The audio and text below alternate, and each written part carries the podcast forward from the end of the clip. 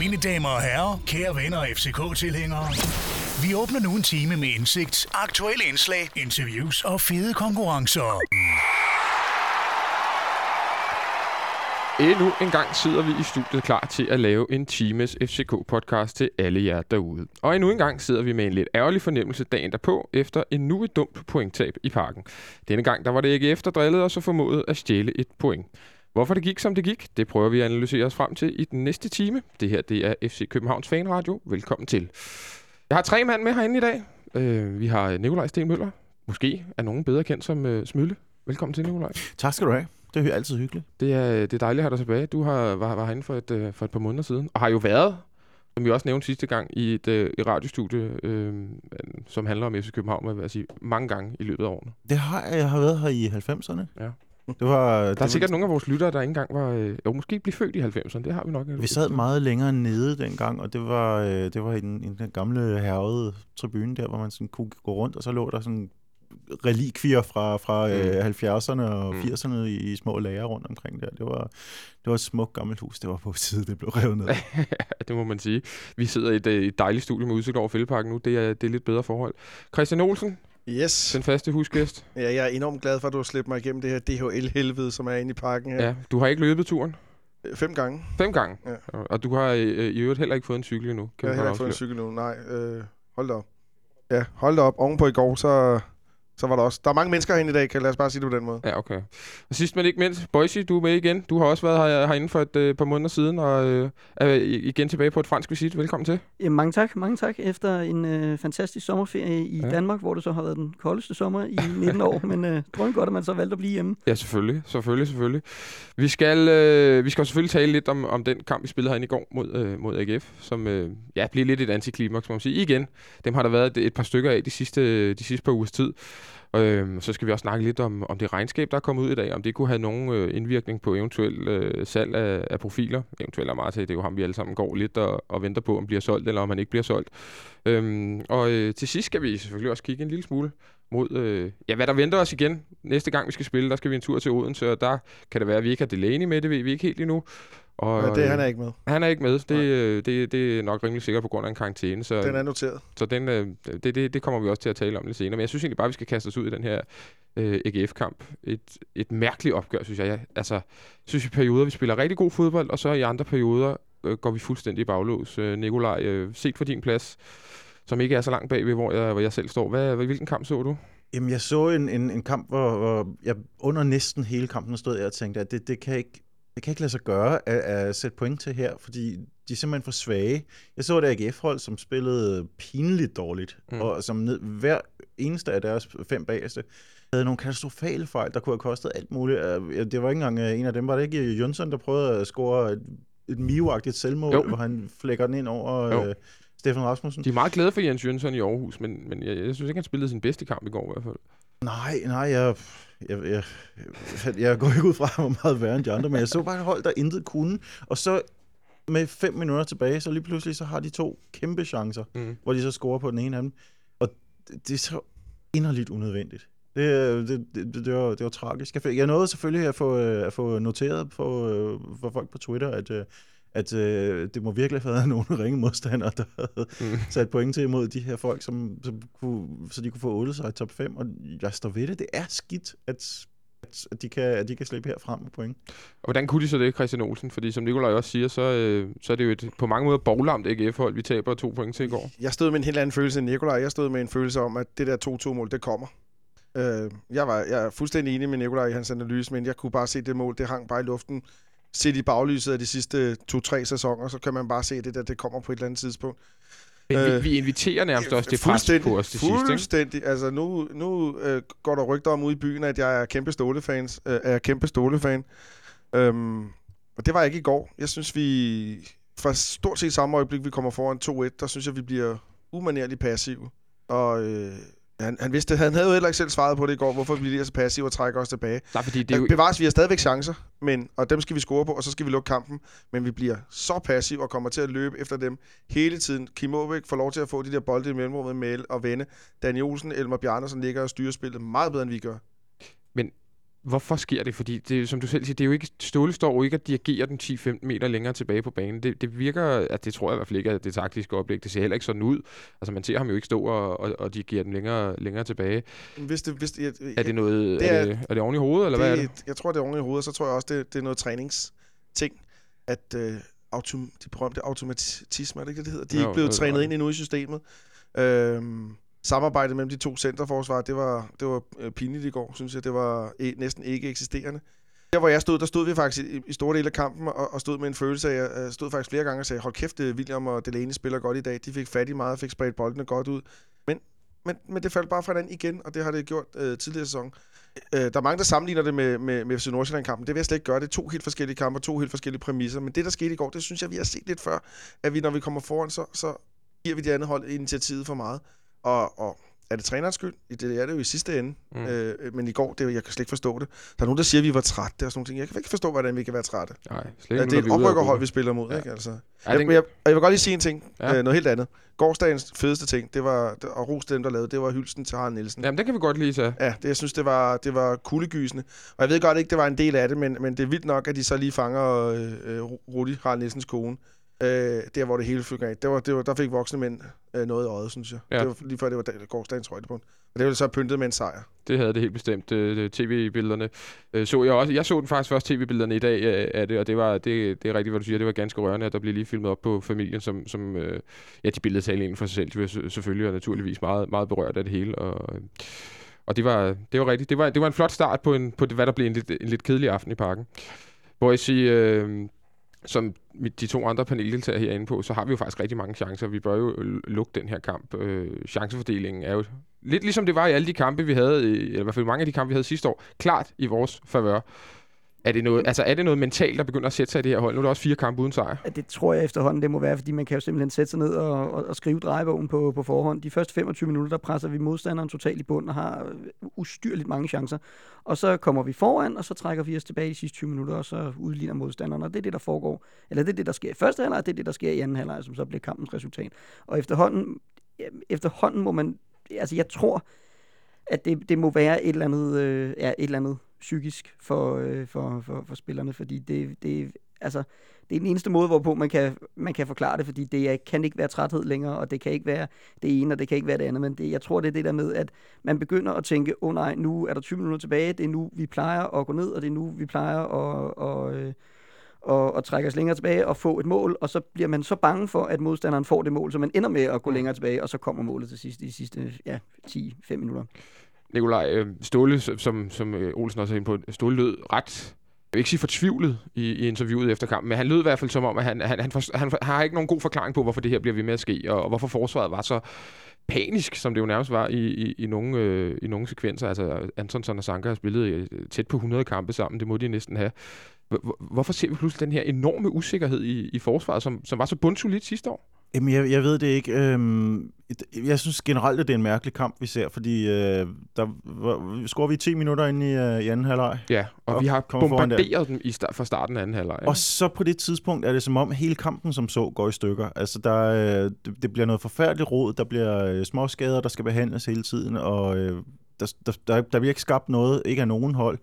Det kommer ind i sådan en, en fase, hvor, hvor øh, spillerne ser ud som om, de bliver mere og mere forvirret, og det, nu har der jo du har forsvaret ham, Stå, du har forsvaret Ståle Olsen.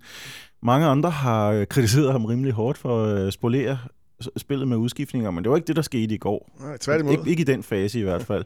Så man snakker om, om Kus skulle have været pillet ud på det tidspunkt, og om Remmer er den rigtige, øh, det rigtige skift for ham.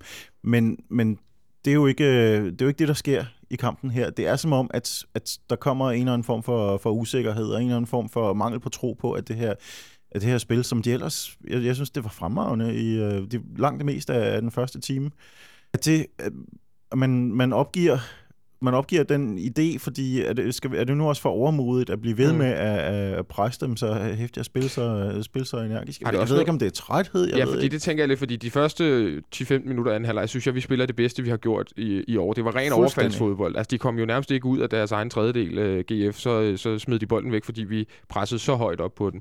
Det er klart, det kan man jo ikke... Øh, det er svært at gøre i, i 45 minutter i træk. Så, altså kan det også være noget med, med træthed, at man, de skal tage deres pauser, og så bliver, så bliver de pauser lidt for lange nogle gange, Olsen? Helt sikkert, og det har noget med det at gøre, men der har vi før i tiden været rigtig meget bedre til at hvile med bolden. Mm. Og så gør du det, og så øh, det gamle øh, stålehold, kan vi sige, de var rigtig gode til, og så trækker du øh, tempo ud af kampen, og så har du bolden hele tiden. Hans Bakkes hold var også rigtig gode. Og så på den måde, så får du samlet kræfter til, til et slutoverfald, kan man sige på en eller anden måde. Ikke? Så får du de andre til at løbe efter bolden, spiller bolden frem og tilbage, og ikke nødvendigvis altid søger chancen. Men på den måde får du lagt ro på spillet, og får de der AGF'er til at løbe hornene af sig. Det, det er sådan nogle ting, det, det er så også nogle, vi bliver paniske. Mm. Sådan nogle ting mangler vi også, og det, og det er lige præcis det, der mangler i de der situationer, hvis du er flade, kan man sige. Men det er jo netop også det, altså i gamle dage, der, der, der, når man var foran 1-0, så var man totalt sikker på, at den der, den, den ville de køre hjem. Og i dag sidder du med den totalt, den stik modsat følelse. Du sidder bare og venter på, at, øh, at der bliver scoret imod, og så vi taber de to point. Det er som om, at sådan, den defensive base og sådan noget ikke er så stærk, som den, som den tidligere har været. i Ja, eller at der så er en eller anden spiller, som så kommer ind og for anden gang på to år laver et saksesparkmål mod os, ikke? Altså, hvor fuldstændig out of nowhere, altså. Men du kan se sådan et hold som øh, dit eget hold, øh, Chelsea og City og sådan nogle ting, de, er- ikke fordi jeg skal sammenligne dem, men, men de er jo rigtig gode til at holde en føring ved at, at have bolden. Og så har de den bare, Mm. mm. og så spiller de den bare rundt, og så kan de andre løbe alt det, de vil. Det er det, jeg lidt savner, for vi bliver paniske. Også, også nævnt noget, med- noget med, at øh, de stort set fik dækket alle vores målspark ud, at, at, at øh, så, så, hvad hedder det, Stefan Andersen skulle sparke langt, Ja. og dem var vi enormt dårlige til at få fat i, de der anden bolde, og det er også vigtigt i sådan en sådan fase, og det fik vi slet ikke fat på. Udskiftningerne, som Nikolaj lidt var inde på. I, i, i Nordsjælland-kampen var der jo rigtig meget kritik af Ståle. Vil sige, folk gik, gik hårdt til ham. Der var mange fans, der synes, han havde skiftet øh, for tidligt ud, og det gjorde, at vi endte med, med ni mand på banen. I går, øh, han hiver kusk ud med 10-12 minutter tilbage og sætter remmer ind, vi får en 2-1. Det er vel isoleret set en fin nok udskiftning på det tidspunkt. Jeg synes, de kommer for sent. Du synes, de kommer for sent. Ja. Hvad, skulle han, hvad skulle han have gjort? Jeg synes, han skulle have taget Nikolaj Jørgensen ud øh, 20 minutter tidligere, 30 minutter tidligere. Jeg synes, Nikolaj Jørgensen var, var en parentes i går. Han var ligegyldig, han virkede... Jeg stod faktisk til min sidemarker og sagde, det er sådan en her kamp, Nikolaj Jørgensen plejer at score i.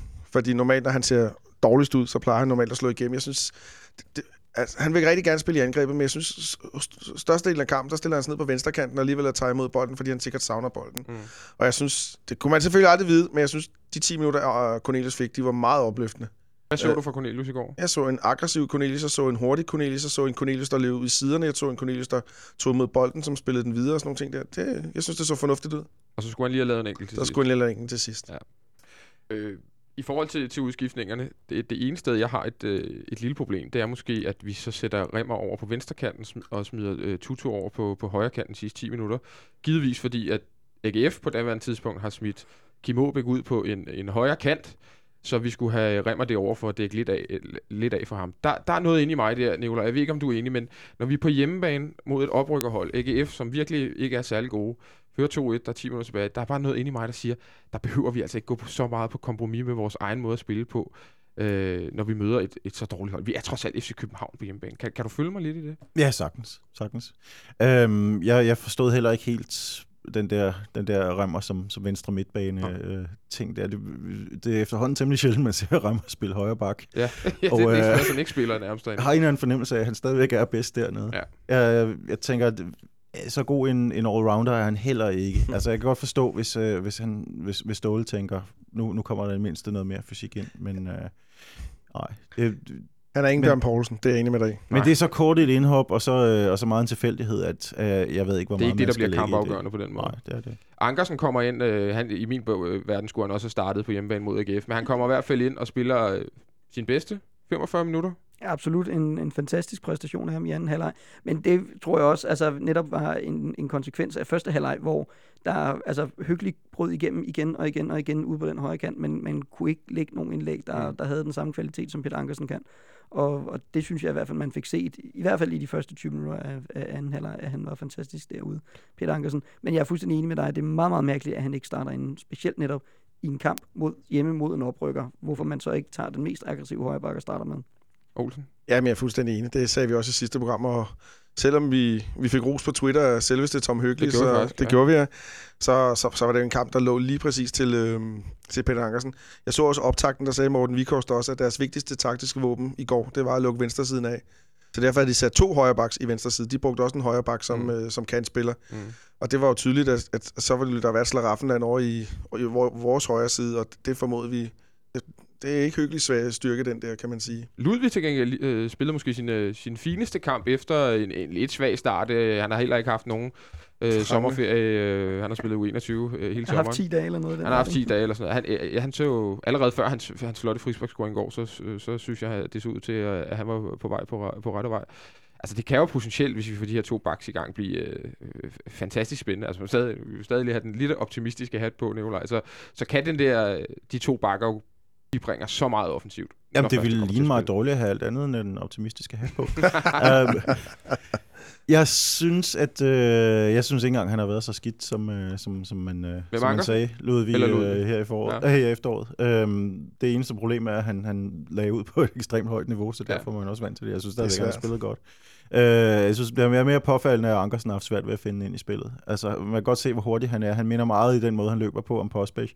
Men, men det, der så har været øh, slutproduktet fra ham, det, det har ikke mindet så meget om, Mm. om Postpage endda. Mm. Øhm, de der guddommelige langskud, man har set ham fyre af over i Esbjerg, dem glæder jeg mig virkelig til at se. Ja. Og Man river jeg længes lidt efter den. Men øh, jeg synes stadigvæk, jeg synes indrømme. stadig, jeg synes stadigvæk, hans indlæg er bedre end, end Hyggelis. Det er, det er mine også. Jamen, altså, jamen, det, Jeg altså, synes, jeg hvis synes man faktisk vil have- ikke, Tom hvis Hyggelis indlæg er offensiv- så dårlig. jamen, hvis man jeg vil have en offensiv højre bak, så, så skal man altså kunne lægge nogle bedre indlæg. Jeg, jeg, jeg, er faktisk, jeg er faktisk ikke specielt imponeret af Peter Ankersens indlæg. Jeg synes, det, jeg synes øh, der synes jeg, Remmer, det er også med alle de her højre baks, vi har, vi det- smider navn på banen, men der synes jeg, Remmers indlæg holder langt højere kvalitet end, end både Ankersens og Hyggelis. Jeg er enig med, med, med dig her om, om, øh, om de indlæg. Jeg synes i virkeligheden heller ikke, de var så gode i går. Jeg synes, han var farlig, når han slap hele vejen igennem, og man Ja. tænkte, nu kan han rent faktisk komme til at score. Den der, hvor han Det væltede var så ikke rigtig tæt nok der. på, Ja. men øh, det, var, det var ikke meget galt. Der var en, hvor han væltede ind i feltet på et tidspunkt. En af hans øh, forsvarskollegaer, der ikke havde sin bedste kamp i går, det var Michael Antonsson. Jeg må sige, øh, u- for mig er uret altså snart ved at tjekke ud på, på Michael Antonsson. Han er en fantastisk fyr og har været en, en øh, fantastisk forsvarsspiller for os, men i, i går var det jo... Øh, det var helt skidt jo. Det var, øh, det var helt fuldstændig begynderfejl, og han vender øh, marginalt hurtigere end oslo færgen ikke? Altså, det, det, øh, det begynder at se lidt skidt ud derinde i det centerforsvar, synes jeg. Nikolaj, øh, Jamen, er, er, øh, er det ikke øh, en plads for Daniel Marti på et tidspunkt? jo. Jeg synes ikke, at han, øh, han spiller sig på holdet uge efter uge, Antonsson. Og Pelle Nielsen er stadigvæk skadet. Og Stadsgaard kan vi vel gætte os til, hvor meget Fidus Ståle har til. Ja, han har aldrig rigtig spillet med ham, heller ikke før han, øh, han blev skadet. Nej. Det, det virker ikke som en, en, en ståle, spiller, Christadsgaard. Olsen, øh, Michael Antonsson i går. Øh, Ja, men, jeg, jeg synes, der var flere gange, hvor han simpelthen øh, falder... Altså, det, for mig jeg, jeg synes, det er han- tageligt at kun at, at, at, at, at diskvalificere Michael Antonsen fra i går. Jeg synes, det var, det, det var den begge to. Jeg synes, jeg synes, han falder ud af kæden øh, Ja. flere gange, hvor han Der er ligger... blandt andet en offside, 2-3 meter hvor, længere hvor Sanka kalder offsiden, hvor Vatsatsa løber igennem der, der ikke Ja. bliver offside der. Det er rigtigt. Ah, men der er også en, Det er lige efter vi kommer på øh, 2-1. Men, men, Har de faktisk men, en men spørgsmålet er, om, mulighed? om, om deres to øh, manglende selvtillids øh, PT, at det er det, der gør udtrykket, at de begge to faktisk er usikre, for jeg synes også, Sanka er usikker. Mm. Og også masser af fejlplaceringer, og så kunne jeg rigtig godt tænke mig, at han lagde de der nøkker ud af sit spil.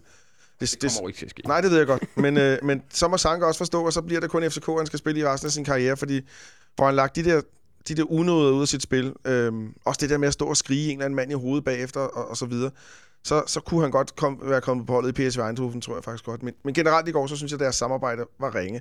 Det kan også være, at de fik for lidt støtte fra midtbanen, det skal jeg ikke kunne sige. Det så umiddelbart ikke sådan ud, men, men deres positionering og det hele, det, det fungerede bare ikke. Det sidste, vi lige øh, skal... Og, og jeg er fuldstændig enig med Nikolaj. Øh, øh, hvis, hvis, jeg skulle, hvis vi to skulle bestemme, tror jeg, Nikolaj og jeg, så er vi enige, så hedder den Sanka Amata i fremadrettet. Ja, og det vender vi tilbage til øh, en lille smule senere efter vores øh, næste breaker, fordi der skal, vi, øh, der skal vi også tale lidt om Amata i forbindelse med det regnskab, der også er kommet ud i dag, osv. osv. Men en, øh, en sidste ting.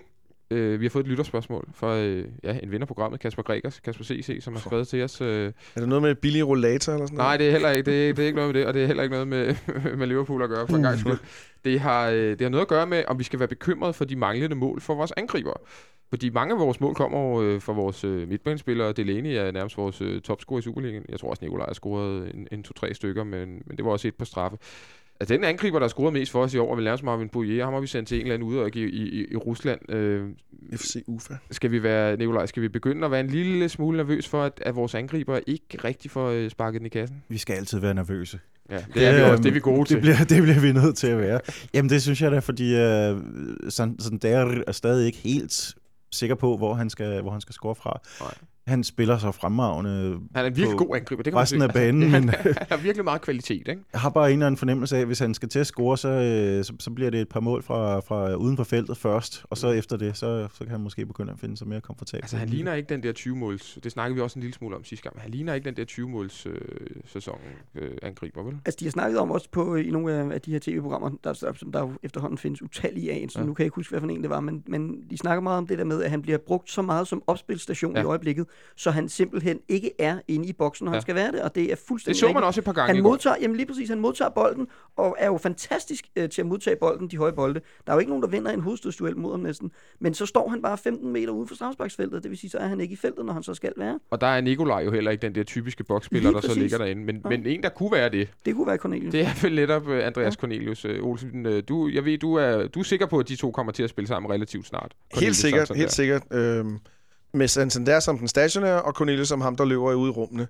Og, og der, der er sådan en lille bonuseffekt ved det, sådan, i- sådan som jeg ser det, det er, så ryger Nikolaj Jørgensen også væk fra angrebet ud på den venstre kant, hvor jeg så afgjort synes, han er bedst. Mm. Øh, det, jeg, jeg forstår ikke, at han skal spille angriber, for han gider jo alligevel ikke at stå derinde. Han løber alligevel rundt øh, altså, øh, overalt på banen, uden at blande sig i noget. Han er ikke inde i feltet, når han skal være inde i feltet. Men er argumentet ikke, jeg ved ikke, hvor, hvor officielt det er, øhm, og Hans hvor, krop ikke kan tåle. at sådan hans krop netop ikke kan tåle at spille kant uge efter uge. det altså nu, sagtens være. nu slipper vi jo heldigvis for hans krops vedkommende for øh, otte Europacup-kampe. Ja. Så det kan måske godt lidt lettere for ham, men, men jeg er fuldstændig enig, at for det første, for en ren nydelsessynsvinkel, så, så er han bare meget mere underholder og meget mere øh, fremragende at se på på en fodboldbane, når man ser ham ud fra kanten, og han, får, han starter med bolden i fødderne, og Mm. han ikke skal jage efter den. Han er bedst med fronten mod mål, ikke? Og Absolut. Ikke, og ikke med ryggen mod mål, som han har rigtig meget, når han spiller angriber. Men problemet er vel også nu på den venstre kant, at der skal Verbitz vel spille. Altså det må være det, der, Jeg tror ikke, der er nogen, der, der- der ligesom er planen. Ja. Så mm, altså, en, en helt vild teori kunne faktisk være, at, øh, at, at, at man fremskynder, måske også på grund af, altså, at vi er ude i Europa, man fremskynder et salg af Nikolaj Jørgensen til eventuelt allerede nu, måske, øh, måske til vinterpausen. Mm. Altså, øh, hvad siger du, Olsen? Ja, det tror jeg er for tidligt. Det tror, bliver jeg tror, sommer der- først? Ja, det tror jeg. Men ideen er, altså, ideen Ja. er vel ikke helt over, fordi hvis vi har... Hvis vi, vi siger, at Cornelius kommer i gang nu her og, Ja. og kan spille 90 minutter snart, så er det jo egentlig rigtigt nok, at vi står med et luksusproblem med fire spillere, som man i princippet ville sige skulle spille hver gang. I Nikolaj, Cornelius, Santander og Verbic, og der er, måske kun, måske også. og der er kun tre spillere til dem, og tre, ja. Kadri kommer også ind i ja. billedet. Øhm, Men sådan som vi har skader, så... så tror du ikke, det er der, man tør at gøre det? Nej, jeg, jeg tror ikke, der er nok penge i i et uh, Nikolaj-salg til, at det giver mening. Men det kan da godt være, altså, der, der lige pludselig kommer en, en bombe øh, eller sådan noget. Kanin i turban, eller hvad det hedder. Vi tager, altså, det ved jeg ikke, om der er noget, der hedder, men nu tager vi i hvert fald lige en, øh, en breaker, og så vender vi tilbage med lidt regnskab og Daniel Amarte-snak. Tilbage igen, øh, og vi har fået øh, opklaret, du skal næsten selv have lov til at sige, hvad er det, det hedder, Olsen? Hedder det ikke et ab- appelsin i turban? En appelsinturban Turban og, og, og ja, en kanin op af hatten. kanin op af hatten, yes. Og ikke et øh, en kanin Ja, op og det var dansk jeg var i min, den virkelige verden. ja, det er fandme betryggende. Nå, øh, nok mobning af Christian Olsen. Vop, Det er klart, kan klare det? af Christian Olsen den her omgang. Ja, det kan han.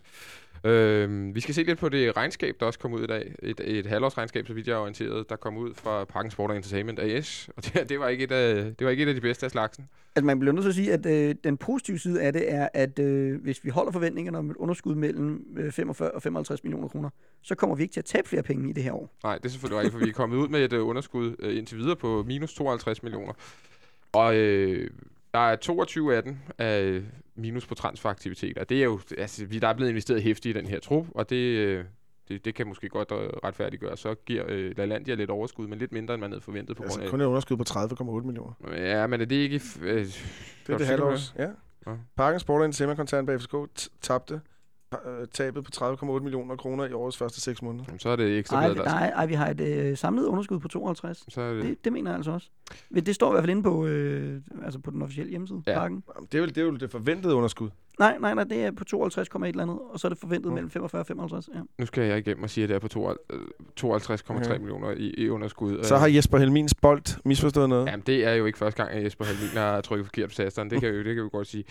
Det, det, uden at gå alt for regnskabsteknisk ind i det, så giver LaLandia en smule overskud, men lidt mindre end forventet, på grund af, at man er i gang med at bygge noget om, eller bygge noget op et eller andet sted henne. Og, øh, og hvad hedder det? øh, Fitness World giver for en gang skyld. Nej, Fitness.dk hedder det. giver, for, giver for en gang skyld og øh, også en, en, en del underskud. Alt det her vi tager fodboldhatten på igen. Det får man en til at tænke på. Betyder det, at der bliver solgt ud af en øh, ganesisk øh, 19-årig superspiller? 20. Øh, 20-årig superspiller, øh, Nikolaj. Kan, kan, det, han, altså, kan, det, kan det have indflydelse på, om han bliver solgt eller ej? Eller har, at de, har de to ting i princippet ikke noget med hinanden at gøre? Jamen, jeg synes jo, vi har, vi har hørt gennem, øh, gennem en overrække, at, øh, at det ikke er en kamp, der, der kan være udslagsgivende for mm. bestemte store handler. Øh, Det ret sådan ligesom sikker på, at, mantra også, ikke? At det ikke, Ja, skulle ikke, præcis. det, alt skulle ikke stå og vælte på øh, én kamp. Ja, hvad og, og ud fra, ud fra den gamle, gamle CV-sætning, så, øhm, så er det jo... Øh, Det var det jo så tæt på at vi gøre tænker mod Rosenborg. langsigtet, vi, vi tænker... Øh. Ja, vores øh, Champions League-kval. Ja. Ja. ja, men på det tidspunkt vil jeg så også sige, at det var lidt øh, ekstreme Ja, omstændigheder. det var jeg nok. Men, øh, men ud, fra den, ud fra den forudsætning, så, så skulle Amati jo ikke sælges. Men der er også mange andre faktorer i det. Øhm, og ikke mindst det, at han er jo ikke, han er ikke på nogen måde ved at nærme sig sidste salgsdato. Mm-hmm. Det er ikke, vi, vi havde den her situation en gang, hvor, øh, hvor Flemming Østergaard måske skulle have overvejet at sælge Zuma til Arsenal, hvis de, Hvis hvis de ville have ham. Fordi han netop var de der 5-26 år på det tidspunkt, Ja. og, øh, og havde lidt kortere tilbage af kontrakten. Og så blev han jo aldrig rigtig helt den samme superstjerne igen, Nej. øhm, efter et par skader. Men sådan er situationen jo overhovedet ikke med, med Amati. Og det er det, der får mig år tilbage af kontrakten, også, så vidt Ja. jeg husker. Ikke? Ja, og det er det, og det, det er det, der får mig til at tænke, at, og jeg ved godt, at jeg er blevet kaldt kraftig optimist omkring det, og jeg ved også godt, det, det ligner mig måske Nej, dårligt. jeg at synes, det er første gang. Nikolaj, tror jeg. Men øh, jeg, jeg tror virkelig på, at, at der alligevel er stål nok i øh, ballerne til at, øh, at sige, at det, det, det skal ikke være nu. Fordi vi ved, hvor meget han er værd, og vi ved ikke, hvad vi får af kvalitet, hvis vi, øh, hvis vi skal til at handle lynhurtigt. Mm. Og vi ved ikke, om det er godt nok til, at, at vores trup kan vinde DM. Man må så, også, man må så sige, at, at det der med, at det ikke er én kamp, der bestemmer om, hvordan og hvorledes, det er selvfølgelig rigtigt nok, men man må så også vente om at sige, at der i løbet af, øh, af, øh, af foråret kom en pressemeddelelse ud om, at man nedjusterede første gang fra 0 til et underskud mellem 15 og 25 millioner. Og så ryger vi ud af Europa League, hvilket gør, at, øh, at underskuddet bliver endnu større. Det vil sige, at det er to sådan lidt uforudsete ting, der gør, at vi ryger ned på det her underskud. Og der kunne man måske godt, øh, øh, altså man kan ikke fortænke bestyrelsen i så at tænke, okay, det dækker vi så ved, ved et spillersalg af, af en enkelt spiller. Det, som så taler lidt imod det, det er, at man i lørdags gik ud decideret og sagde i en pressemeddelelse, at der ikke var modtaget et konkret bud på Amarte. Og der har vi jo set fra før, at, øh, at selvom man ikke har kommenteret rygter, kan man få ørerne i maskinen. Mm. Og hvis man går ud og siger, at der ikke er, altså konkret går ud og siger, at der ikke er modtaget et bud, og børsen så bagefter finder ud af, at det er der rent faktisk, øh, øh, fondsbørsen, så, så, så er det jo altså øh, virkelig en vildledning af markedet, som, øh, som man kan få ja, i hvert fald en kæmpe bøde for. Så du tror ikke, der er, altså, når de skriver det, så har der ikke været skriver, noget Så bud? har der ikke været noget bud. Nej, det kan så godt være, at der er blevet indledt forhandlinger efter, øh, efter weekenden, starten i dag og sådan noget, men, men, øh, men jeg ved ikke, om man kan jeg nå tror at lukke en handel på en dag. Det tror Jeg jeg, tror, kan man sagtens. Jeg tror tit Ja. sådan noget også er sådan noget, at der kommer at- at forspørgseler fra klubber, tror jeg, at man får rigtig meget af. Ikke? Altså, altså tit er det sådan noget, går jo også igennem agenter. Altså, hvis en klub er interesseret i Daniel Amartey, så hø- forhører de så hos agenten, og så lader agenten det sige til den klub, han spiller i. Altså, så jeg tror udmærket godt, vi er klar over, at der er kæmpe Nå, interesse jamen, selvfølgelig, for. men det har vi jo også sagt i foråret, ja. eller, eller i- forsommeren i hvert fald, at der har været forskellige forspørgseler på Amarte. Det Ja. var der også en pressemeddelelse, som gik ud og sagde. Men, men når man går ud, så er klokkeklart og siger, at der ikke er modtaget et, et konkret bud på ham. Så, så jeg synes, det virker lidt som om, at der er måske lidt længere til, øh, til et salg af Amarte, end man først troede. Og så skal man jo også måske se det lidt i... Øh, i, i, fra den synsvinkel, at hvis, Daniel, eller hvis øh, Delaney virkelig har karantæne til, øh, Ja.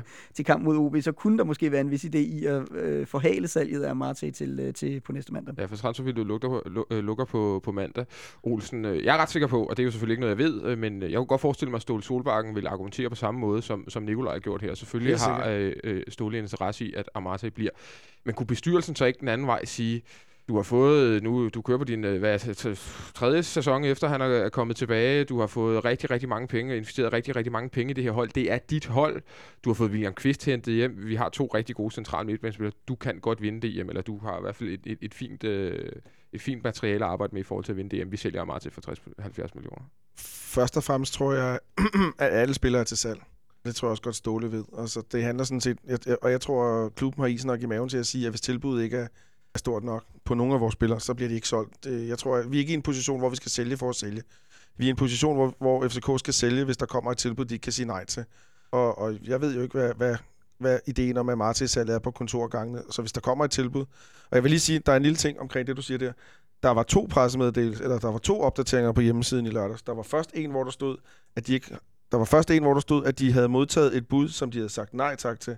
Og så trak de den tilbage senere og fjernede den fra meddelelsen, som, som jeg forstod det, gennemgang af folk, der har læst begge De, de opdaterede den i hvert fald. De opdaterede med det. opdaterede de har modtaget et bud på Amarte, som ikke var, var, var godt nok. Og så ændrede de, opdaterede de på den. Men tror du ikke, det bare kan være sådan en copy- copy-paste-fejl fra den pressemeddelelse, de har sendt ud om, om Marte før? Det ved Nej, jeg ikke. tror jeg. Jeg synes, det er underligt, at de sender en besked. Altså, man må, Ja, ikke, og- man må ikke sende falske, falske pressemeddelelser ud, kan man Nej, men jeg tror heller ikke, det var jeg tror, jeg tror, de, øh, jeg tror, det var et spørgsmål om at ændre ordlyden en, en lille smule, fordi ja. at, øh, det skal være, netop fordi det skal være så præcis som overhovedet muligt, og man ikke skal have ørerne i maskinen. Men, men jeg tror, bestyrelsen siger til Ståle Solbakken, at, øh, og det tror jeg også godt, Ståle Solbakken ved også godt, hvordan præmissen er, at kommer der et, et tilbud på Marte, som, som, han ikke kan sige, som de ikke kan sige nej til, som er, som er oppe ved den, en eller anden grænse, de har sat, så er han selvfølgelig solgt. Kommer der et tilbud, der er under, så bliver han ikke solgt, og det er meget simpelt. Og, og, og, Og til hvor tror du, den ligger? Er vi stadig på de der Ti- 60-70 10 millioner euro. Altså, Ekstrabladet skrev 50, 60 millioner, havde vi det, sagt, det, tror jeg, øh, det tror jeg lige i underkant. at Leicester havde sendt øh, Det, altså, Amartis agent til København Ja. og med mandat for at forhandle øh, en aftale på plads til 60 millioner. Det er så et par dage siden. det, og ja, den er øvrigt meget sjovt med Amartis agent til København. Øh, øh, hvis, hvis nu Michael Qureshi, som skrev historien, har set ham ude i lufthavnen, fordi han er også agent for blandt andet Sanka, og han er også agent for ham, Rudy Austin, som har været rygtet til, til byen. Mm, Så han kan være her mange årsager. mm, det er selvfølgelig rigtigt. Øh, men jeg tror, øh, vi spiller i Danmark. Alle spiller til salg. Det er bare et spørgsmål om prisen. Det, øh, det er nok rigtigt. Hvor skal han egentlig spille, øh, hvis han, øh, altså hvis han nu bliver i København, Daniel Amartis? Er han så en, øh, en kommende forsvarsspiller ved siden af, af Sanka? Men det kommer jo an på, hvad, hvad vi ellers har. Øhm, hvis vi kører videre med den, med den nuværende trup og ikke investerer i en central forsvarsspiller, ja, det vil jeg sige. Så skulle, det... så skulle, så skulle man rykke øh, enten kvist ind, eller måske øh, prøve at eksperimentere igen, hvad vi har prøvet før, og samtidig har haft en lille smule held med Hvordan? at øh, bruge Tutu på midten, som Mm. øh, i hvert fald I hvert fald i kan, nogle kan, kampe. kan være spilfordeler. Ja, i de, øh, i, de off, i de kamper, vi er på hjemmebane i hvert fald, Ja. og hvor, øh, hvor, vi, hvor vi bør have spil nok. Så, Eller så, man- så, så burde han kunne... Eller man kunne løbe, øh, løse øh, problemet med Nikolaj Jørgensen. Og sende ham ned øh, på Og, cent. ja, Det kommer han ikke til. Det, altså som, som, øh, som offensiv med... Nej, det kommer han aldrig til. øh, det løber han simpelthen ikke nok til. Det, du skal nærmest løbe 10-11 km for at være central midtbanespiller i FC København, og Nikolaj løber vel på en god dag 6,5 eller et eller andet. Så det, altså, det kommer han simpelthen det kommer han aldrig til. Det, vil- det vil jeg næsten lægge hovedet på blokken og sige, det kommer ikke til at ske. Men han sagde det selv, Ståle, til de der øh, og arrangementer der, at han overvejede en 3-5-2-system nogle gange, med Mm. Nikolaj som den øverste, Ja. forreste midtbanemand. Men så skal vi lige pludselig også have tre centralt. Det ved jeg godt. Altså, men, men bare sådan, nu, nu, nu sagde aldrig, det er meget definitivt. Ja, jamen, ja det, er- det, det, det er lige mig. Øh, Ståle sagde også i går øh, i øh, studiet efter kampen, at øh, der ikke vil komme nogen øh, indkøb, medmindre vi solgte nogle spillere. Indkøb gælder det også gratis spillere. Altså, det, øh, det, det, det, ved jeg ikke. Jeg har så... Er der ikke noget, der er gratis, det ved jeg godt. Men... Nej, der skal også betales noget løn og så videre. Ja. Der har vi har, tidligere har været sådan lidt snak om, om Margrethe. Der har vi også nævnt herinde, om han kunne Christian være noget. Poulsen. Øh, og Margrethe har, så vidt jeg hører i hvert fald, han kommer ikke til København. Det er der intet, der tyder på. Så, så det, det, er ikke, det, det, er ikke ham, de sådan kunne, kunne finde på at hive ind. Ståle lød ret definitivt. Der kommer kun noget ind, hvis, hvis, øh, hvis der bliver solgt noget. Og det er vel et spørgsmål om, Det giver også mening. at hvis Amartey sælges, så skal der hentes, øh, så skal der hentes ind. Skal der så hentes en rigtig god midterforsvar, eller skal der hentes en rigtig god midtbanespiller? Skal der hentes en af hver, eller hvad skal, hvad skal der hentes? Der skal nærmest hente begge, ja. hentes begge dele, vil jeg sige. Det der med, at uh, Amartey, han kan gå ind som, som midterforsvar, hvis det kniber, og forhåbentlig også måske før det for alvor kniber. Det gør ham jo ekstremt værdifuld. Ja. Og øh, Men- jeg synes, der mangler en i hver kæde, hvis, hvis han ikke... Men hvis, Hvis vi han ikke fortsætter. Hvis vi skulle Gælder det også målmanden? Lad os ikke tale for meget om målmanden. jeg, jeg, jeg har bare lyst til at se Thomas Kaminski på et eller andet tidspunkt. Om, om vi så skal vente til pokalkampen. Jeg, Hvis vi jeg, skal jeg, ud jeg, af- kan godt lide ham. Hvis vi skal ud og hente to spillere, for jeg vil gerne øh, tage den videre der, Nikolaj, for jeg tror egentlig, jeg, jeg synes egentlig også, du har ret, at hvis vi sælger ham til, så skal vi i princippet hente to spillere. Hvis vi siger, at vi sælger ham for 70 millioner. Vi købte ham for cirka 15-18 millioner for Djurgården. Djurgården skal have 10% af forskellen mellem det, vi købte ham for, og det, vi sælger ham for. Lad os sige, at vi købte ham for 20, og solgte ham for 70, så er der øh, 50 millioners forskel, så skulle de i princippet have 5 millioner derfra. Ikke? Så er der 45 tilbage. Så er der 45 tilbage. Det her er endda højt sat, og vi skal ud og hente to spillere. Øh, Vi går ikke ud og henter et eller andet, der koster 3 millioner, koster 4 millioner. Vi går nok ud og henter enten sådan 2, eller hvad hedder det, 1, ja, 1 million øh, euro-spillere. Det kunne godt være Det er klassiske. Men vi er jo inde i... Vi er jo inde i Men, men lad, lad, lad mig lige komme Okay. videre. Hvis vi ender med at bruge 15 millioner på to nye spillere, så har vi måske lavet 30 millioner alt i alt på det her Daniel Amartey salg. Ikke? Er det virkelig værd at, øh, at risikere DM og skulle spille to nye spillere ind sidst i transfervinduet for 30 millioner? Altså, er, er, det, er det en- hvis de sidder og laver en cost-benefit deroppe, er det så virkelig det værd, Olsen? Er det risikoen værd? 30 Det er, jo, ne- millioner? altså, det er jo nemt for os at sige, at der ikke er nogen penge involveret. Ja. Så, så selvfølgelig, for mig er det ikke pengene værd. Ja, så simpelt er det. Øh, og, og som du selv siger, man ved ikke om de der, og selvom vi er inde i det der i fagsprog hedder CV-ugen, den sidste uge i Mm. transfervinduet, så ved vi jo ikke om, om, hvad det er, der kommer ud af det. Så hvis jeg bestemmer, så beholder vi om det. Men, men jeg kan samtidig også godt se det fra deres side af bordet, at, at de, det er også deres forretning og så videre. Så jeg forstår dem godt, hvis de, hvis de er i gang med de overvejelser og, og gør. Og 30 millioner, så, så er der et underskud på 25 millioner. Er der ikke noget med underskud? De, øh, dem skal ikke betale skat af. og Jo, sådan lige præcis. Ja, den kan, den kan du trække fra fem, fem år frem i tiden. Så nogle gange er der også fordele i de der ting at, at, køre med underskud i din, i din business og, og, og så videre. Ikke? Altså, så, så, så jeg tænker, det er ikke nødvendigvis altid givet, at man skal gøre det. Og ja, som Nikolaj siger, vi har en mand, der stort set kan spille alle pladser på banen, og, og han er fremragende spiller. Han kan godt være et meget mere øh, værd til næste år, men jeg forstår også godt, hvis, hvis der kommer et tilbud på 10 millioner euro, at de må sidde sig op og gøre sådan nogle tanker. Det forstår jeg da godt. Men man kan også sige det altså på den måde, at selvom altså, det er jo ikke en mand, der laver et hold, så, så vi har jo et, et okay hold stadigvæk, Ja, ja, er selvom ikke at, står i Amarte ikke er der. ikke er Og der. hvis vi så kan få øh, måske øh, to spillere, som, hvor øh, en af dem måske kan vise sig at være den nye Amarte, så hvorfor ikke, øh, hvorfor ikke forsøge det? Og, og som vores forsvar ser ud i øjeblikket, altså, så bliver Chris Stadsgaard måske også udlejet til et eller andet, og så få en eller anden spiller ind, som kan... øh, Ja, Vi, det er, ikke, vi, det er ikke mangler nogen af en, de huller, som vi har i det forsvar. vi Altså. mangler en solid klippe dernede bag. Ja, det gør vi i den grad. Men altså, sådan Kian Hansen, for eksempel. Ja. Nu snakker jeg FCM. Altså, no nonsense defender. En, der kan forsvare. That's it. Ja, vi har jo tidligere snakket om Mads Fenger, men han har så spillet godt nok ikke særlig godt de sidste par kampe, så det er godt, at vi skal trække den tilbage, Nikolaj. Men hvad, hvad siger du ellers? Ja, men jeg siger jo i virkeligheden kun det, at øh, vi sad jo og snakkede om, at vi, vi manglede noget dybde på den centrale midtbane, selvom vi havde Amarte, Mm. mm. hvorefter Kvist kom ind. Hvis så Amarte ryger samtidig, så står vi igen og har manglet noget dybde på den centrale midtbane. Ja. Og der har vi så Kvist, som ikke kan dække af forsvaret.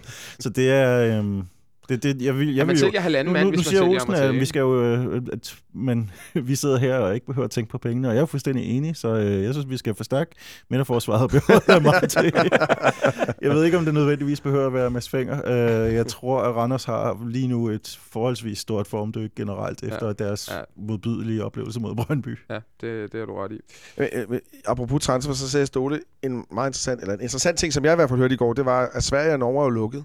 Ja, og det gør også, at de bliver dyre at købe det fra. Ja, præcis. Så han skal kigge andre veje hen, hvis han skal hente de forstærkninger, hvis der Ja, kommer det. nogle forstærkninger. Ja, Nå, det, er- det er sådan opfattede jeg det i hvert fald. Ja, fordi mange af de navne, der er blevet smidt på banen, er jo spillere, som spiller i Norge og Sverige. Det er jo sådan lidt Jo, jo, og, klassisk. og de ved jo godt, at hvis vi sælger Amarte, så ved de godt, at vi er Ja. kommet til penge igen. Og, Ja. så ved, og, og nu er der blevet nævnt ham, det er Ebenezer Ofori fra AK, og de kæmper om mesterskabet, mm. så kan vi selv regne ud, hvad prisen bliver for ham. Ikke? Så Mm. bliver det måske de 30-40 millioner, som øh, journalisten nævnte i, i hans artikel. Men det er jo rigtigt nok, at jo længere hen vi kommer mod transfervinduets slutning, og det er jo altså på mandag, jo dyrere bliver Daniel Amartey at købe, jo dyrere, og jo sværere bliver det jo også for os at gå ud og, og, og hente en erstatning. Det kan jo blive nogle, Om, at vi, ko- altså, vi, blive kom, nogle vilde dage. jamen, vi kommer ikke til at sælge Amarte, før at øh, kontrakten med en anden spiller er, øh, hvor det kun er underskriften, der mangler. altså det, det, Det kommer ikke til at ske. det, det, det er nærmest, vi kører sideløbende, men vi sælger, Ja, og, vi, og, ja. vi, og, og vi Ja. køber. Der kommer, ikke altså, der kommer til at gå øh, to og en halv time fra den ene er, øh, altså, øh, fra den ene er offentliggjort til den anden handel bliver offentliggjort. Øh, Nikolaj, kunne du forestille dig det sådan noget? Fordi i England har man jo virkelig også en, en, nærmest en tradition for at have en fuldstændig hysterisk deadline day. Altså kunne du godt forestille dig, at det bliver noget, der bliver trukket til aller, aller sidste øjeblik? Ja, måske, måske i samarbejde med, med tv-kanalerne, der, der vil gå ivrigt ind med helikopter og ting for, øh, for at dække Ståles jagt på, på forstærkninger. Samtidig med, Breaking news! samtidig med, at Marta er på vej ud. Det kunne da være, det kunne da være utroligt deprimerende Ej, jeg tror da, øh, jamen, altså vi har vel lidt på det seneste trukket os væk fra den der øh, vane med at handle i sidste Mhm. mm. øjeblik, som, som, som CV har, har haft. Jeg, Jeg ved- kan ikke...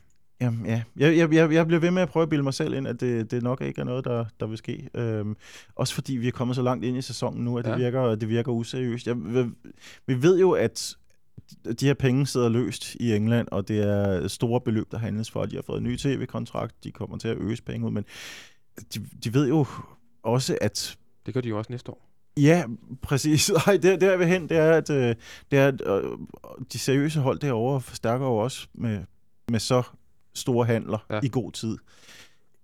Nej, jeg kan ikke forestille mig andet end, at, øh, at hvis, hvis man ved, at Leicester kommer og begynder at vifte om sig med, med 6 millioner pund, ja. Så, så tænker man, okay, er han så meget værd, og så holder man is i maven, ja. Og så øh, ser man ham blive endnu mere værd. Det kan, vi, det kan vi håbe på. Jeg kan i hvert fald sige, at øh, vi- vi- hvis det trækker op til sådan en sindssyg deadline day ting, så har vi faktisk her på radioen en, en, en plan om, og et håb om, at vi vil kunne, øh, vi vil kunne sætte, vi vil simpelthen kunne dække deadline day de sidste timer øh, herindefra.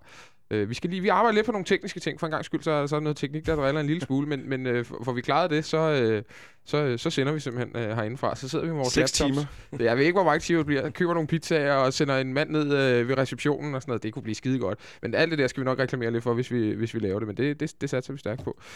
Øh, Olsen, havde du noget, du, du ville sige? Du sad der og... Øh, Oh, det kan jeg ikke huske. og det, det, fordi Jamen, så, ja, det var bare det, det, var bare det som, som Nikolaj også sagde. Nu er vi inde i CV-ugen. Ja. Så, så hvor, hvor enten vi ikke kan lide det, det vi ikke kan lide, det var, at vi, vi ventede til det før, så kommer der også nogle nye muligheder nu med, med spillere i store klubber, som Ja. måske ikke har mulighed for, så, så, så lånespillere eller noget i den stil, er jo også der bliver hæftigt handlet lige, lige pt. Ja. Ikke?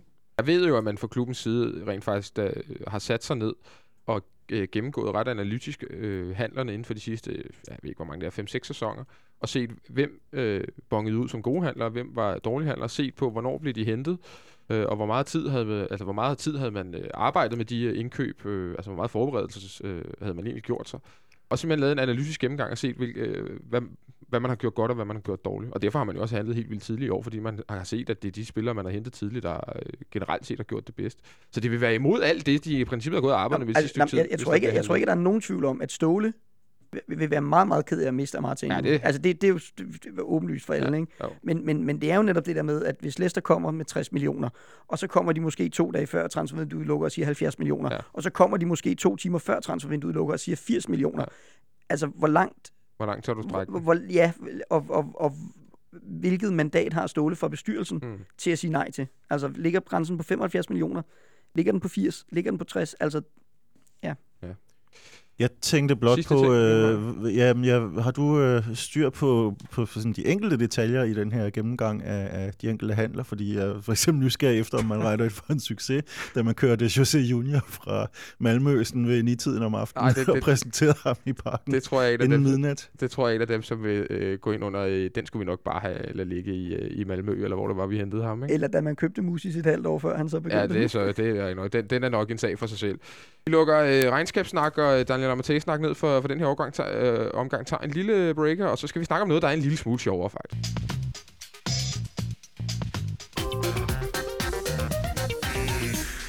Efter en øh, lille liderlig breaker her, er vi øh, tilbage igen. og øh, vi skal snakke øh, en lille smule om, øh, om øh, Brøndbys derut i torsdags mod Pauk Saloniki. Ah, vi skal også snakke en lille smule om Midtjyllands, men det er knap så sjovt. Det, det siger et eller andet om, om, om dansk fodbold, når øh, et hvad kan man sige, subtophold i Danmark tager til Grækenland mod et hold, der manglede fem af deres nye indkøb og et par af deres profiler manglede fra 8 i alt, så vi simpelthen og, kunne forstå. og deres sæson startede jo først den her weekend, og de blev blæst af banen med 5-0 og kunne nærmest have tabt øh, med det dobbelte. Olsen, jeg ved ikke, om du egentlig så kampen, men øh, Og med stor glæde. og med stor glæde. Ja, altså, Altså, jeg, er ikke, jeg, er- jeg, er- jeg er ikke typen, der holder med øh, af de andre hold i europæisk fodbold. Jeg holder med FCK, og that's it. Ja, ja. Men har du også sådan, hvis det, hvis det nu var Esbjerg, der Nej, dem kan, jeg, altså, dem, dem kan jeg sagtens leve med. Man har det sådan med et par stykker, hvor man siger, dem ønsker man Nej, altid skidt, ikke? to. Ja. Ja. Øh, Brøndby og FC Midtjylland, ikke? Oh, men du har heller ikke med Nordsjælland i Europa. Det, Nej, det spiller. gjorde jeg heller Nej. Men det ved man heldigvis, hvad godt, hvordan ender. Så. men, men ja, jeg sad og så kampen, og øhm, øhm, det var det var, det var en sjov oplevelse, må jeg sige, fordi i starten var jeg sådan lidt, jeg, jeg kendte ikke noget til Pauk, og havde også læst de der titler med, at de manglede mm. Fire nye spillere, to på karantæne, to der var skadet, og det var... Jeg var lidt nervøs for, at Brøndby kunne man- snige sig videre, synes jeg. Præcis, og så, så præsenterede ham der Robert Maxer på banen, og så kunne man godt se, hvilken vej det gik. Øhm, og, og nu har han jo ville spille possession-fodbold, Thomas Frank og hele muligheden der, og så stiller de sig ned og forsvarer sig. Det kan de heller ikke finde ud af. Nej. Jeg lavede selv en tweet, øh, den kan vi lige tage fat i, der hedder, at den, jeg kan faktisk godt forstå, hvorfor Johan Larsen er ind i Superligaen, fordi han er godt nok dygtig frem af banen i Superligaen, men han, er ikke særlig god til at forsvare internationalt. Deres højre bak. Og deres højre bak, nej, hvor var der hullet derude i den side. Der, altså, det fik jo Sanka og Ja. Antonsen spil i går til at ligne øh, italiensk. Baresi. Ja, præcis. Så øh, jamen, det, var, det var, jeg synes sgu, det var et fremragende hold, de der pakker. Jeg synes, det var et godt hold i betragtning af, at de manglede otte spillere. Jeg synes, de havde en, en, en, de vidste lige præcis, hvad de skulle. Hver gang de havde bolden, så spredte de, de tre bagerste forsvarsspillere sig ud, og så rykkede de hele holdet op, og så slog de og lavede lidt bak-bak-afleveringer.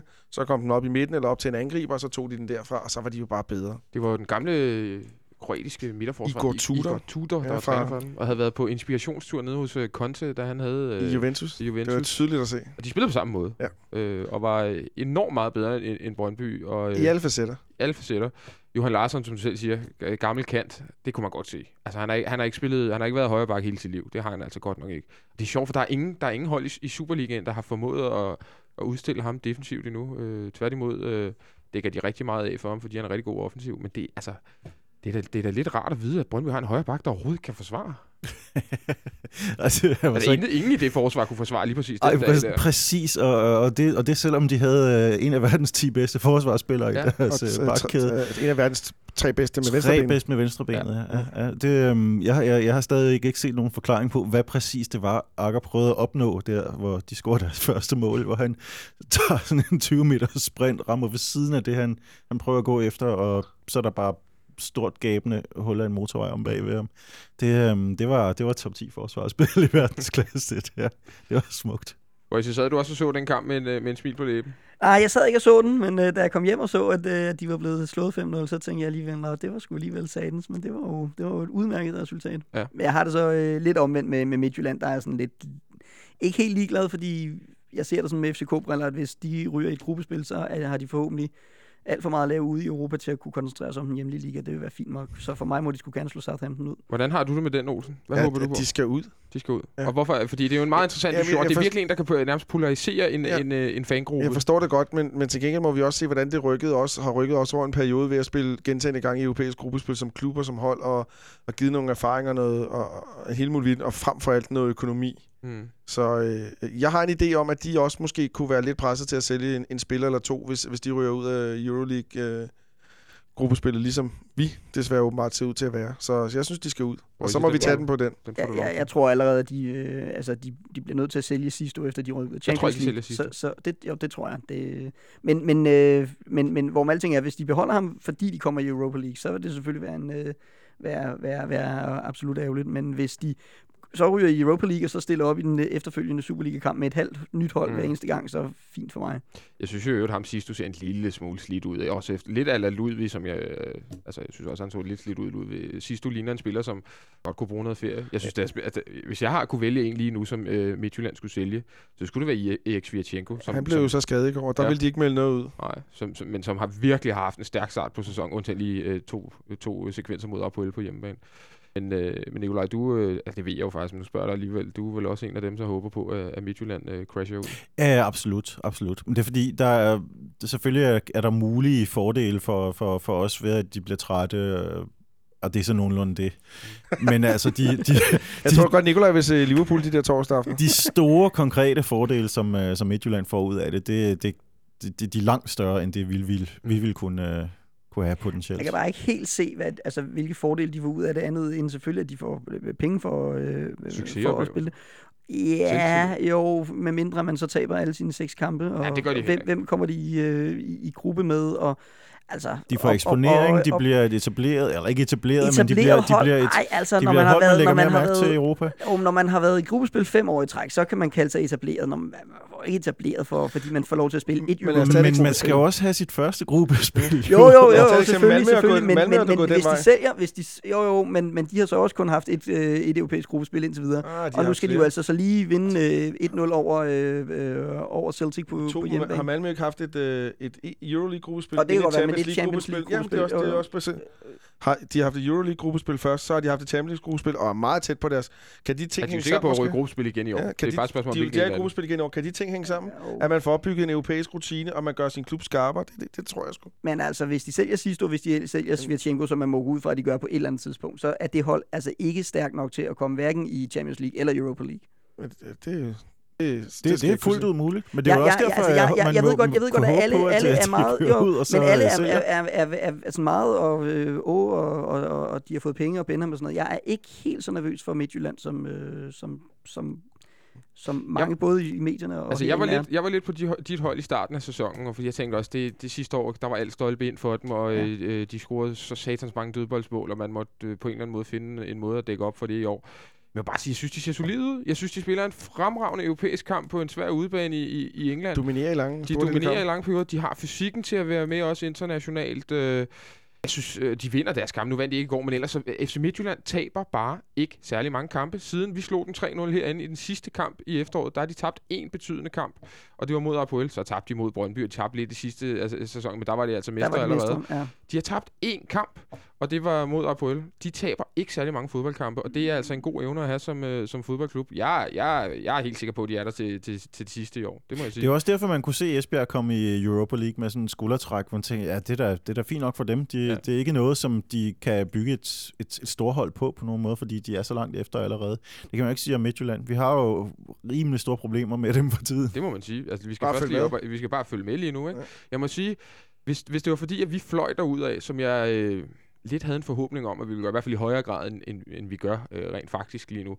så kunne jeg, så, så, så kunne jeg, øh, jeg vil ikke sige, at jeg kunne unde Midtjyllands succes, men så kunne jeg leve med det. Men i den her situation, vi er i nu, hvor jeg synes, de ser mere solide ud, end jeg havde troet, og hvor jeg synes, vi ser en lille smule svage ud. Nej. Vi, de, Da, da, da Nordsjælland vi skal vinder, ikke da, da Nordsjælland der. vinder i 2012, så kommer man også med alle de her argumenter om, at det er et storhold, som vil være i toppen af Ah, dansk det liga de ikke. næste, næste fem år. Det Det, var det, som alle sagde, fordi at de netop nu fik den her økonomiske indsprøjtning og, og europæisk erfaring med Champions League. Og uh, fem år efter, der er de altså stadigvæk ikke... øh, Jamen, jeg- Og der, havde vi måske i heller ikke helt regnet med, at Allan K. Pedersen var så glad for at sove oven på pengesedler, som han er. Men altså, det var... Det kunne jo sagtens være gået på den måde, hvis han havde, hvis han havde, reddet Være villig til at investere de penge. Og Nu, det, nu havde han så brugt mange penge på klubben gennem tiden, og tænkt formentlig, at nu, nu får jeg noget af det igen, så nu skal jeg i hvert fald ikke komme herfra med et tab. Men det kan man jo se på, på truppen, at det er jo fuldstændig bevidst, at der blev skruet ned for, øh, for lønningsniveauet, og der er blevet skruet ned for investeringerne derude. De har så lavet en meget god investering i ham med Bruninho der. Ku, øh, han, ligner, han ligner sådan en spiller, der spiller i Rusland om, øh, om et år eller et eller andet, når han har lavet øh, 17 Superliga-mål. Gør han ikke det, Olsen? Jo, men... Jo, og, Det er lige et sidespring, men den kan vi godt Ja, det, det kan vi helt sikkert. Og, og jeg kom til at tænke på en ting. Det minder mig om, jeg har hørt mange reaktioner. Hvorfor købte vi ikke Bruninho? Og så kan man stille det næste spørgsmål. Hvorfor købte vi ikke Brandao, hans marker? Hvorfor køber vi ikke Brandao, hans marker? Hvorfor købte vi ikke Morten Bæk, som lavede alle de der mål for Silkeborg? Hvorfor køber vi ikke Serge Deblé og alle de der spillere der? Øh, hvorfor købte vi ikke Anders K. Jacobsen? Men kommer der svar også? Ja, det gør der. Altså, øh, det, det er bare svært at vide, om de der første divisionsspillere, om de bliver en succes. Ja. Og Bruninho, han var sgu ikke blevet en succes i FCK. Han ville slet ikke passe ind i, i vores utrolig komplicerede øh, 4-4-2-system. Øh, det er helt sikkert. Han er en Øh, meget spændende spiller. Han er en super spændende spiller for et hold, der spiller som FC Nordsjælland gør. Der er, han, der er, en, rigtig god, der er en rigtig god for dem at have, Det sikkert. er jo mini Ligesom Pouillet var god, god for Silkeborg. Ja, præcis. Og en anden lille ting, han- og så er han en, så er han en mand, der vil lave mål. Øh, da han scorede til 3-1 forleden, der er det ikke noget med de tre mand alene igennem. Det har jeg faktisk ikke set. Det tror jeg, det er. Og han vælger at afslutte selv. Altså, han spiller da ikke de to andre. Det mål tager han og løber ud til, hjørnefladet og jubler med sig selv. Det fortæller meget om, hvad det er for en type, de har fået fat på der. Ikke? Du kan godt se Martin Pusic, hvis vi lige skal snakke om mærkelige angriber. Ja. Hvorfor har vi ikke købt ham? Det er der så en grund til. Det er nok, ja, det er jeg ganske tilfreds med, at vi ikke har. Så, øh, så, så når, man- skal man købe en angriber fra første division, så er der altså et sats. Og vi ved også, hvordan folk ville have reageret herinde, hvis vi havde købt en angriber for HB Køge. Uambitiøst, og alle mulige andre ting ville være øh, klistret på ham. Ikke? Nu vil, bevæger vi os lige kort her sidst i programmet til, øh, til den kamp på søndag, og det bliver ganske kort, men det er også mest egentlig for os lidt at afrunde den, vi spillede i går, hvor Delaney fik et, øh, et gult kort, som højst sandsynligt, øh, du siger, at den er på plads, Den er øh, på plads. blevet til 6 point, og det vil sige, at Delaney allerede har øh, karantæne, og hurtigt. Han er- jo også inde i en del nærkampe i, i hver kamp, men han er altså karantæne i, øh, i Odense svær udkamp på søndag, hvor vi igen er presset, fordi vi er lidt bagud, og hele den der øh, vante mølle. Øhm, og det er jo måske, måske ikke uden Daniel Amartey. Hvad, øh, altså, Nicolai, tror du, tror du egentlig, at det kan betyde noget? Det, Boys var lidt inde på det. Tror du, det kan betyde, at man trækker den der transfer en lille smule i halen? Øh, fordi ellers så, så ser vi pludselig meget Ja, det kunne ud. jeg godt forestille mig. Man kan jo også lave handlen inden, og så sige, at han spiller sin sidste kamp mod, øh, mod OB. Mm. Øhm, det tror jeg i virkeligheden ikke, for så vidt der er noget vejen for. Det kunne måske være lidt interessant at se, hvordan øh, hans reaktion er efter kampen. Om han er nede og klappe ekstra meget, eller smider sin trøje ud, eller et eller andet. Altså, det er jo, man ser man jo tit, der spillere, der godt ved, at de spiller deres sidste kamp, de ligesom har en eller anden øh, afsked med, med Har fans. det ikke gjort det vist tre gange? Eller Ja, sådan det noget? skal lige gjort præcis, tre ja. gange. Øh, men det, ja, det ved jeg heller ikke, hvad der skete der. Men, men Olsen, en, en svær udkamp i Odense. Vi 100%. mangler Verbic, vi mangler Delaney. Øh, vi skal jo vinde. Vi må håbe, OB sælger Emil Larsen og Rasmus Falk. Ja, Rasmus Falk er måske skadet. Ja, okay. Og Emil Larsen er måske solgt, så... Ja. Ja, det er en super svær kamp. De, de, har fået, de har fået Kent Nielsen og noget gejst ind i truppen. De, og Rasmus Festersen gør det glimrende, og nu får vi se, nu skal de spille mod OB i aften. øh. Men det er også et hold, der er markant bedre frem af banen, end de er til at forsvare. De, og de har nærmest ikke nogen midterforsvar tilbage. Nej, og det er jo vores held, og det var AGF også, ikke? Så øh, der så vi, hvordan det gik. 2-2 igen? Ja. Det kunne du, altså, Sagtens. På et taxaspark af fester sådan. ja, altså, har vi en eller anden angriber der, som har spillet for os? Nej, det, det jeg er fuldstændig enig. De er markant bedre frem af banen, end de er øh, til at forsvare. Så, så det bliver... Ja, jeg, håber, jeg, jeg ved ikke, hvad Ståle vil træne det, om det er angreb eller forsvar. Nej. Øh, vi laver lidt mere optakt i, i løbet af ugen til OB, så, så vi runder den lidt hurtigt af, og så, øh, så er vi egentlig også ved at være i mål i dag. Jeg vil sige øh, tak til mine tre gæster, og tak til Jonas Sand Folk med teknikken. Og så vil jeg øh, lige reklamere en lille smule for, øh, hvad der sker på torsdag, fordi der ved jeg, at vi sender fra kl. 16.00 øh, har vi simpelthen øh, fint besøg her i studiet. Ingen ringer end vores øh, cheftræner, Ståle Solbakken, kommer ind øh, og er her i en times tid. Og øh, det glæder vi os jo meget til, Christian Olsen. Du er ja. Så heldig. øh, Jeg ved ikke, om du har vundet en lytterkonkurrence eller et eller andet, men du skal i hvert fald, øh, du skal i hvert fald være med Nej. Ståle ringer og sagde, at han havde en cykel til mig. Men vi får øh, fint besøg af den skaldede herre, og øh, I er mere end velkommen til at øh, skrive spørgsmål og øh, ja, spørgsmål og kommentarer til, til Ståle på vores øh, Facebook og på vores Twitter. Vi laver et lille hashtag, som det så smart hedder på, på Twitter, der hedder Spørg Ståle, hvor man kan gå ind og, og smide det i slutningen af sit tweet. Og så, øh, så stiller vi om nogle af alle jeres øh, fantastiske lytterspørgsmål ud. Men alt det skal I nok høre, høre mere om, hvis I følger lidt med på de sociale medier. Og måske endda er vi så heldige, at de også smider det op på fck.dk med en lille smule reklame på vores lille program her. Det kunne være, være dejligt. Som sagt, vi lyttes ved og høres ved. Indtil da må I have det rigtig godt derude. Tak for i dag.